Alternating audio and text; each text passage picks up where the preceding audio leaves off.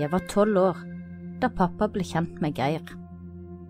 Og da Geir, etter noen måneders bekjentskap, spurte om meg og min venninne kunne passe kaninen og huset hans en hel helg fordi han skulle på besøk til foreldrene sine, så var vi ikke sene om å si ja. Lite visste vi om hvilke planer Geir hadde lagt i det skjulte.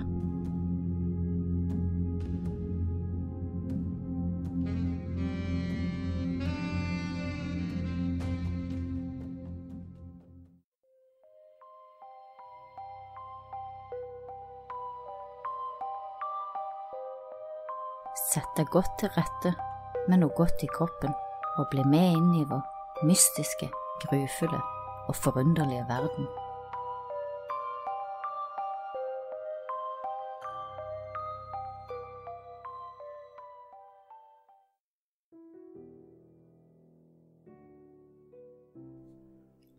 Historien jeg nå skal fortelle, skjedde da jeg gikk på ungdomsskolen i syvende klasse. Det var den gang barneskolen var seks trinn, og ungdomsskolen gikk fra syvende til niende klasse. Jeg var ca. 12–13 år gammel.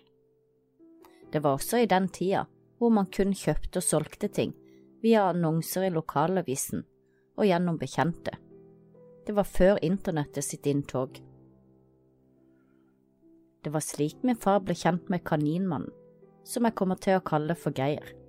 Jeg husker hva han heter, men jeg velger å utelate det ekte navnet.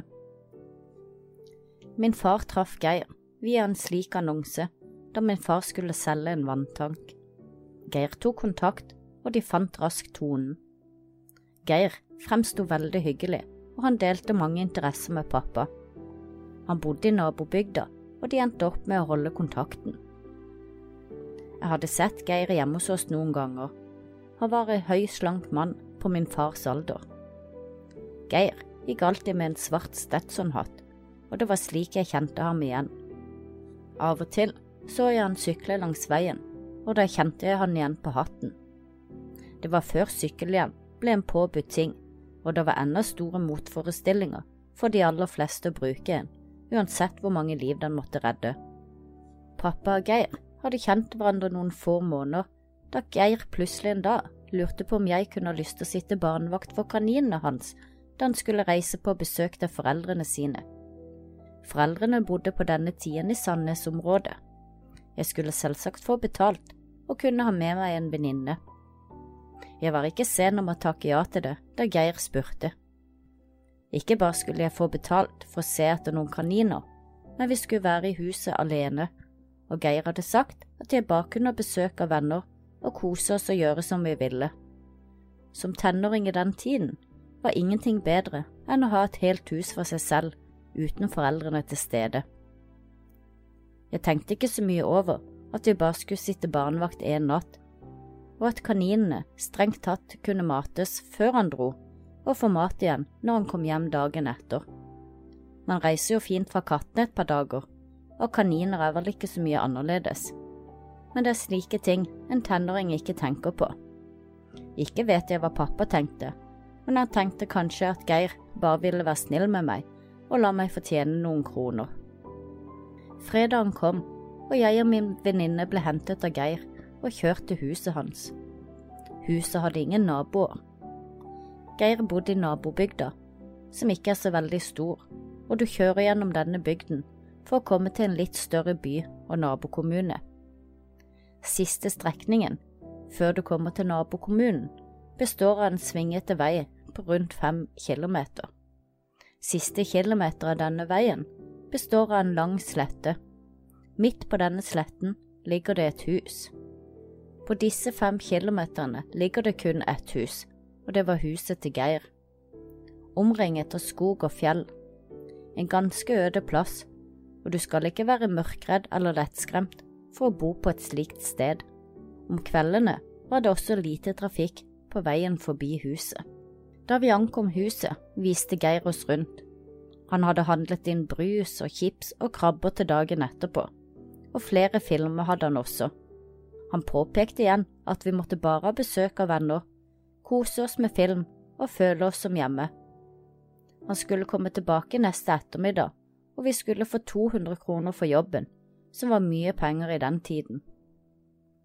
Så da Geir hadde reist, så nølte vi ikke å ringe til vennegjengen og inviterte over i fleng, og folk kom. Mange kjørte moped i den tiden, så det å komme seg rundt, det ordna seg alltid. Vi koste oss med film og brus og chips. På soverommet var det to enkeltsenger, en skrivepult og en del plakater på rommet. Det var her jeg og min venninne skulle overnatte. Jeg husker jeg stussa litt på plakatene på rommet til Geir. Det var flere plakater fra serien Beverly Hills 90210, som vi tenåringer så på, og som jeg følte kanskje var litt rart for en så gammel mann. Han var ikke mer enn 40, men må jo innse at for tenåringer er vi 40-åringer basically skikkelig gamle. Jeg satt igjen med en følelse av at Geir prøvde å virke kul og ungdomslig, og at det ikke helt kledde ham. Vi sov godt i hver vår seng, og det var deilig å våkne opp uten andre voksne i huset. Litt utpå dagen kom også min storesøster innom på besøk, og vi koste oss med krabbene som Geir hadde handlet inn til oss. Utpå ettermiddagen kom Geir tilbake. Vi fikk pengene for kaninvakten, og så kjørte han oss hjem. Vi hadde storkost oss, så hadde Geir spurt oss igjen om å sitte kaninvakt noen uker senere. Var det ikke noe å tenke på, klart vi hadde lyst til det. Denne gangen skulle Geir være borte hele helgen, noe som betydde at vi fikk et helt hus for oss selv en hel helg, og bedre enn det kunne det ikke bli. Geir henta oss fredag formiddag, etter skoleslutt, men denne gangen var det noe som var litt annerledes. I motsetning fra forrige gang fikk vi denne gangen beskjed om at vi ikke fikk lov å ha besøk. Ingen festing, ingen filmkveld. Han mente at husverten hans ikke syntes det var greit at så mange unge var samlet i det øde huset.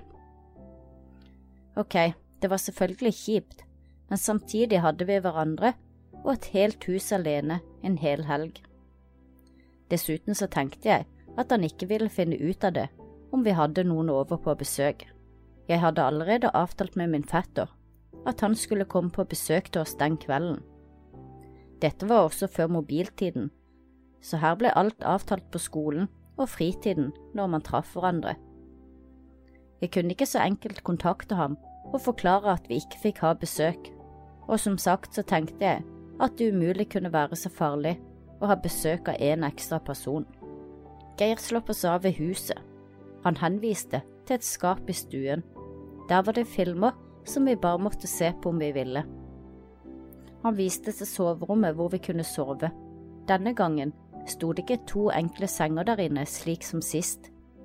De var nå dyttet sammen og blitt til en dobbeltseng. Midt på gulvet sto også et stativ med et kamera på toppen. Geir sa at vi bare måtte ta bilder hvis vi ville det. Han sa han var tilbake søndag ettermiddag, og så dro han av gårde til foreldrene sine. Jeg begynte å kikke rundt i leiligheten. På stuebordet sto det en bolle med godteri oppi, og jeg, søtglad som jeg er, gikk rett bort til bollen og tok opp en bit. Jeg så med en gang at det var et bitemerke i godteriet. Jeg tok opp en ny bit, bitemerke den også. Det var jo rart, tenkte jeg. Jeg visste at Geir arbeidet med barn og unge som hadde fysiske og psykiske vansker, og at han hadde ansvar for en slik pasient en gang i uken. En ung kvinne som ikke hadde språk, og som var bundet til rullestol. Jeg tenkte at det sikkert var hun som hadde tygd på det og lagt det tilbake i skålen, men stusset på at han ikke hadde ordnet dette før han dro. Jeg gikk ut på kjøkkenet og kikket i kjøleskapet. Det var ikke så mye mat, denne gangen var det ikke handlet inn verken brus, chips eller snaddermat, og kjente at det var jo skuffende, for kontrastene var så annerledes enn første gangen. Vi laget oss noen brødskiver, og mens vi ventet på at min fetter skulle komme, så tenkte vi å hive på en film. Huset til Geir lå såpass øde til at jeg tror ikke vi fikk inn NRK på TV-en engang. Jeg åpnet skapet Geir hadde vist meg for å sjekke utvalget på filmer. Det første jeg ser når jeg åpner skapet, er en dildo som ligger i en boks. Først lo jeg, klart jeg visste hva det var, en slik hadde jeg sett før, da jeg leita etter noe i puffen til min stemor en gang. Etter å ha ledd litt og vist den til min venninne, slo en mer alvorlig tanke ned i meg. Hvorfor hadde Geir den i skapet sitt? Første gangen vi var der, så lå den ikke i skapet. Boksen var åpnet, og alt tydet på at leken var brukt. Og hvorfor lå den i skapet med filmene? Jeg la boksen med lekesaken tilbake og begynte å se på filmene. Flere av filmene var pornofilmer, og jeg tenkte at dette var veldig rart. Vi dro ut de få vanlige filmene vi fant, og satte på. Klokken var rundt ni på kvelden da min fetter ankom huset. Planen var at han skulle overnatte med oss den første natta. Vi syntes nok at det var litt ekkelt å være alene i dette huset, omringet av mørke, skog og fjell, så da føltes det trygt å ha min fetter hos oss. Vi koste oss med film, og etter hvert begynte vi å bli klare for senga, alle tre. Vi hadde slått av det meste av lyset, og jeg var på vei for å slukke det siste lyset på soverommet, en stålampe som sto ganske nært stuevinduet.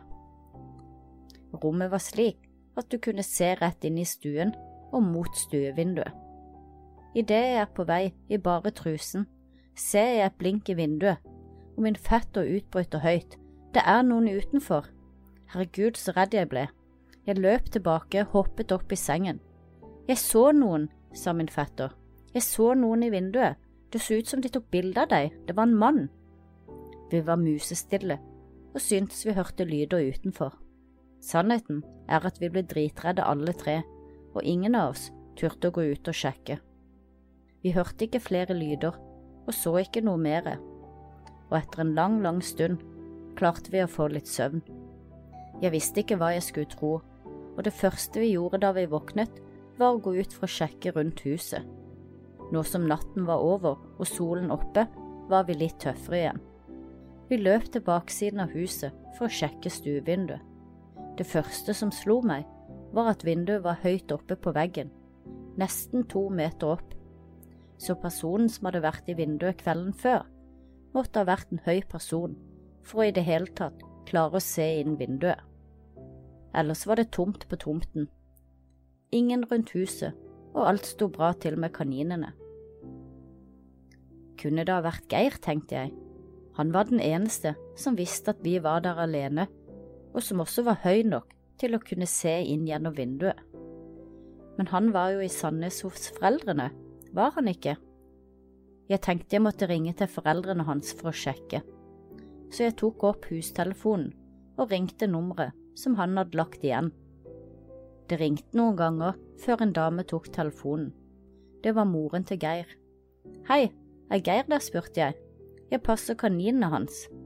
Like etterpå kom Geir på telefonen, og jeg sa at jeg ringte fordi vi hadde fått problemer med å få stekeovnen til å virke. Og så spurte jeg om når han hadde kommet frem til Sandnes og om turen hadde gått greit. Jeg var fremme i syvtiden, sa han, og så kommer jeg hjem på ettermiddagen i morgen. Og så la vi på. Hm, han sa han hadde kommet frem i syvtiden, som kunne passe med når han hadde kjørt herifra, og han sa det foran foreldrene. Så da kunne det ikke være Geir som hadde vært i vinduet, tenkte jeg. Foreldrene ville jo ha reagert om han sa han kom til dem et tidspunkt som ikke stemte. Kanskje vi bare hadde innbilt oss at det var noen i vinduet. Jeg prøvde å ikke tenke så mye på det, selv om magefølelsen sa meg at noe ikke stemte. Min fetter reiste hjem på formiddagen, og meg og min venninne var igjen alene. Solen skinte ute, og vi tenkte å rydde litt i stuen før vi laget oss noe mat. Det sto en vekkasse i stuen ved siden av peisen, og mens jeg rydda, la jeg merke til noen papirer som lå oppi den. Jeg kikket litt nærmere og kunne se at det var et ark med tekst som var blitt revet opp og kastet oppi. Noe trakk meg mot papirbitene, og jeg løftet dem opp. Jeg kunne se alder, navn og deler av bildene. Det var nok til at jeg ble nysgjerrig og ropte inn min venninne. I sammen tok vi opp alle bitene og begynte å teipe dem i sammen. Til slutt satt jeg igjen med et ark og en mal til en kontaktannonse slike som man setter inn i aviser og blader for å treffe nye mennesker og en potensiell partner Jeg begynte å lese, og la umiddelbart merke til flere ting som skilte seg ut. Først og fremst alderen. Geir hadde oppgitt en mye yngre alder enn hva han faktisk var. Han ønsket kontakt med unge jenter, og hadde visstnok en stor interesse for hunder, og da spesielt store hunder. Flere av bildene som lå revet i vedkassen, var bilder av hunder, store hunder. Hele greia ga meg dårlige vibber. Hvorfor løy han om seg selv i annonsen? Hvorfor hadde han revet og kastet alle disse bildene og annonsene? Det var i dette øyeblikket at magefølelsen ble enda sterkere, og jeg bare følte i hele meg at noe ikke stemte, og jeg gikk rett inn på soverommet. Jeg hadde nemlig lagt merke til Geir sin skrivepult og skuffen med hengelås. Med ett var det noe som dro meg mot den, noe inni meg som sa at den skuffen der, den var ikke låst med hengelås for gøy. Det var noe i den skuffen som Geir ikke ønsket at vi eller noen andre skulle se. Jeg leita i de åpne skuffene og hyllene rundt pulten for å se om jeg kunne finne en nøkkel, men det gjorde jeg ikke. Jeg kikket på hengelåsen og oppdaget utrolig nok at hengelåsen som låsen hang i, var skrudd fast med skruer. Jeg reiste meg brått og løp ut i kjøkkenet for å hente et skrujern. Det var skremmende lett å skru av hengslene, og plutselig hadde jeg fått åpnet skuffen. Hjertet banka fort, og blodet pumpa gjennom kroppen. Jeg visste veldig godt at det jeg gjorde nå, var strengt forbudt og et grovt inngrep i Geirs privatliv, men noe inni meg sa at jeg måtte se i skuffen. Jeg så flere bunker med papir og åpnede brev. Jeg kikket nøye i skuffen for å memorere hvor tingene lå, slik at jeg kunne legge det tilbake på samme måten. Jeg løftet den første bunken med papir og begynte å lese. Jeg ba min venninne om å komme og se. Jeg kikket ned på et spørreskjema. Det var flere sider med mange forskjellige spørsmål, som hadde bokser med svaralternativer slik at man kunne krysse av for rett svar. Det var spørsmålene som uroet meg, og magefølelsen min ble ikke mindre av det jeg leste. Jeg husker ikke alle spørsmålene, men jeg husker et par, og tonen var den samme på alle spørsmålene. Et av spørsmålene var Hvor gammel var du når du mistet jomfrudommen? Et spørsmål som i rette sammenheng ikke trenger å være så farlig men svaralternativene var de som ga meg en vond følelse. Fem til syv år, syv til ti år, ti til tolv år, og så videre. Har du hatt sex, var et annet spørsmål, med alternativene ja eller nei. Spørsmålene og svaralternativene var seksuelle, og svaralternativene var så upassende at selv om vi var unge, forsto vi med en gang at dette ikke var normalt. Det var ingenting normalt ved disse spørsmålene og svaralternativene, og vi kunne ikke se i hvilken sammenheng de skulle kunne være passende heller. Jeg la fra meg bunken og tok opp en tykk konvolutt. Den inneholdt bilder, mange upassende bilder. Jeg kjente at jeg begynte å bli redd. Jeg forsto at vi nå hadde funnet noe som kunne gi store konsekvenser enten for oss eller for Geir, eller alle sammen. Jeg dro ut bildene, og i sammen bladde vi igjennom dem. Det var bilder av barn, unge pikebarn. Bildene var av piker i badedrakt på stranden. Det var bilder tatt opp under skjørtet, slik at man så trusa på unge piker. Det var heldigvis ingen nakenbilder, men mange, mange bilder av jenter i en alder på syv til tolv år hvor det var tatt av trusa opp under kjolen eller skjørtet, og piker i bikini og badedrakter. Bilder som er upassende for en voksen mann å ha innlåst i skuffen sin. Upassende for hvem som helst, spør du meg. Det var flere konvolutter i skuffen, og jeg åpnet dem. Flere av dem var brev. Brev fra jenter som helt tydelig hadde sendt noe til ham som de nå angret på. Jeg mener å huske at det ikke kom helt klart frem i brevene hva det var de ville ha tilbake. men jeg husker vi satt igjen med at det ikke var en god tone i brevene, og at jentene virket å være fortvilet. Jeg tror jeg konkluderte med at de kanskje hadde sendt noen bilder som de senere angret på. I den tiden ble alt sendt i vanlig postgang, men at jenter også i den tiden tok uanstendige bilder av seg selv og sendte til andre, ja, det skjedde, selv også uten sosiale medier, internett og smarttelefon.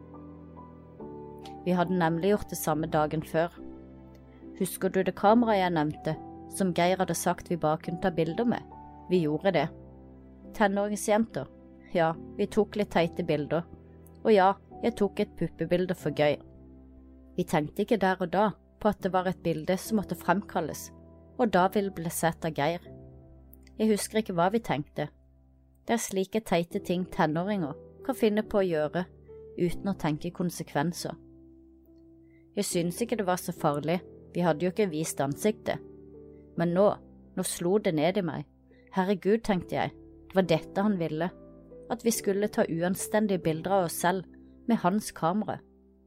Kanskje hadde han håpet at vi skulle ha jentesex eller noe, siden sengene var slått sammen til en dobbeltseng.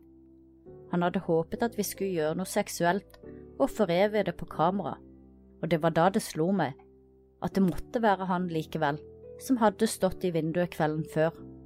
Han hadde stått der og håpet å få se noe, få tatt bilde av noe. Han måtte ha kommet fram til foreldrene lørdag morgen i syvtiden, ikke fredagskveld i syvtiden.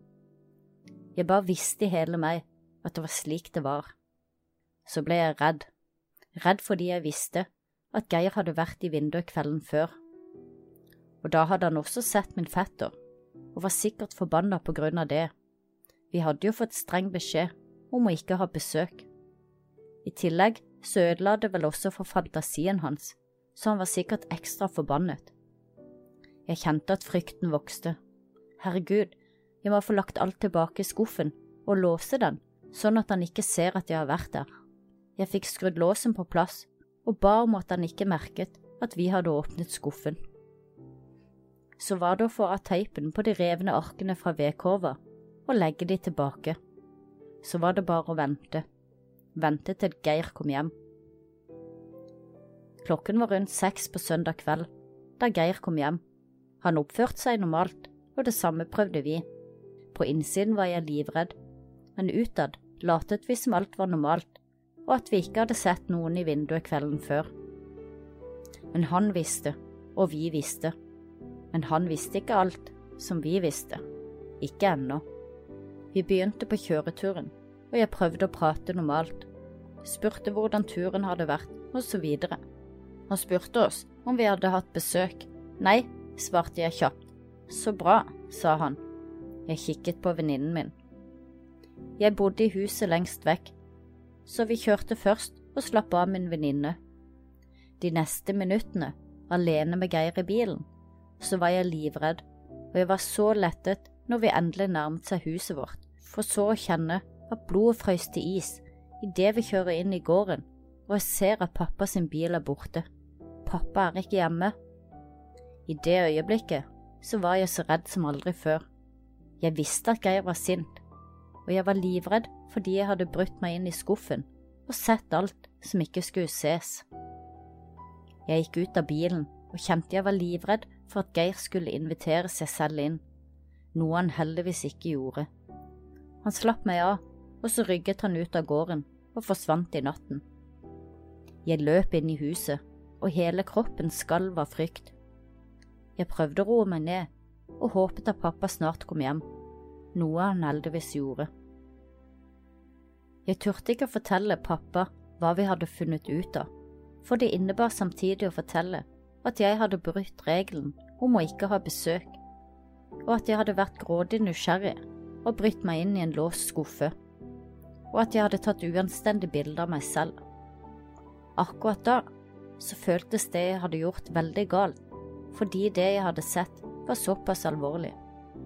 Jeg var redd for å si noe som helst til pappa, redd for Geir sin reaksjon, redd for pappa sin reaksjon.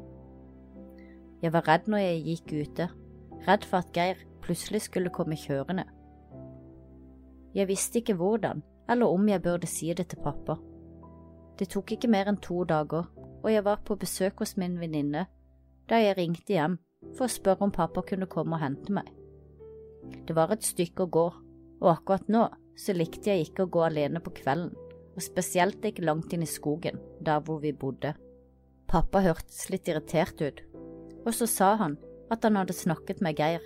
Jeg kjente at det knyttet seg i magen. Geir sier at dere har hatt besøk på fredag, selv om han sa klart ifra at dere ikke fikk lov å ha besøk. Der og da tok redselen helt overhånd, og jeg begynte å gråte, og så fortalte jeg hva som hadde skjedd på fredag kveld, at noen hadde vært i vinduet og kikket inn og tatt bilde, og at jeg trodde det var Geir. Pappa hørtes mistroisk ut. Hvordan kunne han ellers vite at vi hadde besøk, nærmest ropte jeg til pappa. Pappa forklarte at Geir hadde sagt at husverten hans hadde kjørt forbi idet min fetter hadde gått inn i huset vårt. Det var han som hadde gitt beskjed til Geir, og han hadde vært sur på Geir fordi han trodde det hadde vært tenåringsfest på huset.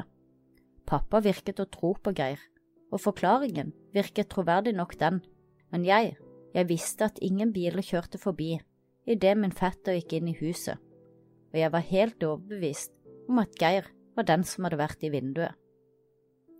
Pappa kom og hentet meg, og jeg bestemte meg for å fortelle hva jeg hadde funnet i skuffen hans, i vedkoggen, og godterier med tyggemerker, og dildoen i skapet sammen med alle filmene. Pappa kikket på meg som om jeg hadde ramlet ned fra månen, og det var nok vanskelig å tro på historien min. Men noe inni pappa sa at jeg snakket sant.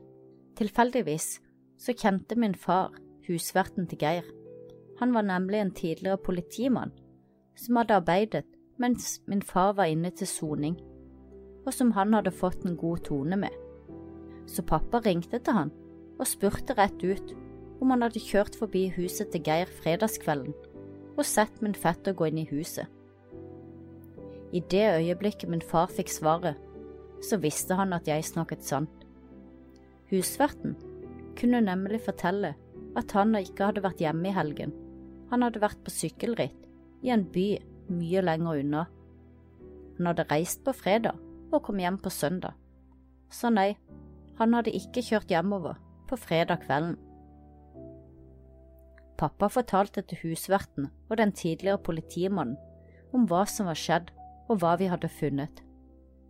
En bakgrunnssjekk ble gjort på Geir, og det viste seg at han tidligere hadde sonet en lang dom, og at han likevel hadde fått arbeidet med sterk utviklingshemmede barn og unge i mange år.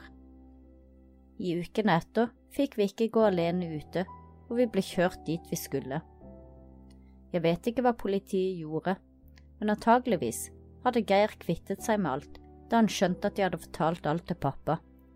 Så innen politiet fikk ransaket huset hans, så var bevisene borte, og uten disse hadde politiet en veldig svak sak. Det tok ikke lang tid før Geir flyttet, og saken ble henlagt, for de hadde ingen bevis, bare mange antagelser. Jeg husker at pappa ringte til der Geir arbeidet og fortalte hva vi hadde funnet, og vi vet at han mistet jobben kort tid etterpå, og det var da han hadde flyttet. Geir ble aldri tatt, men jeg vet, og har aldri vært i tvil, om at en pedofil misbruker slapp unna. Jeg har tenkt på den utviklingshemmede jenta som han hadde hjemme hos seg en gang i uken, og på dildoen i skapet. Jeg har tenkt på bildene i skuffen og brevene fra jentene. Jeg har også tenkt på hva som kunne skjedd om ikke min fetter hadde vært der på fredagskvelden. Hadde Geir hatt noen grovere planer? Jeg har ofte lurt på hvor han ble av, hva som skjedde med han. Fortsatte han i en annen by? Lever han ennå? Har han blitt tatt senere? Jeg har aldri tvilt på at denne mannen fortjener fengselsstraff, men jeg forstår også at man må ha bedre bevis enn to tenåringsjenters vitnesbyrd om hva de så. Jeg håper at politiet likevel fulgte med han fremover, og at han ikke fikk muligheten til å jobbe med barn eller utviklingshemmede igjen. Og er det én ting jeg lærte etter dette, så var det å alltid stole på magefølelsen.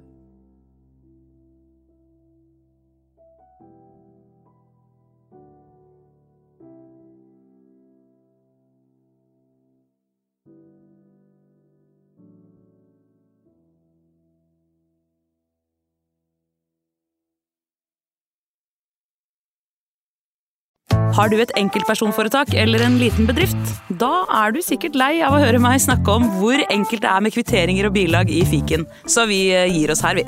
Fordi vi liker enkelt. Fiken superenkelt regnskap.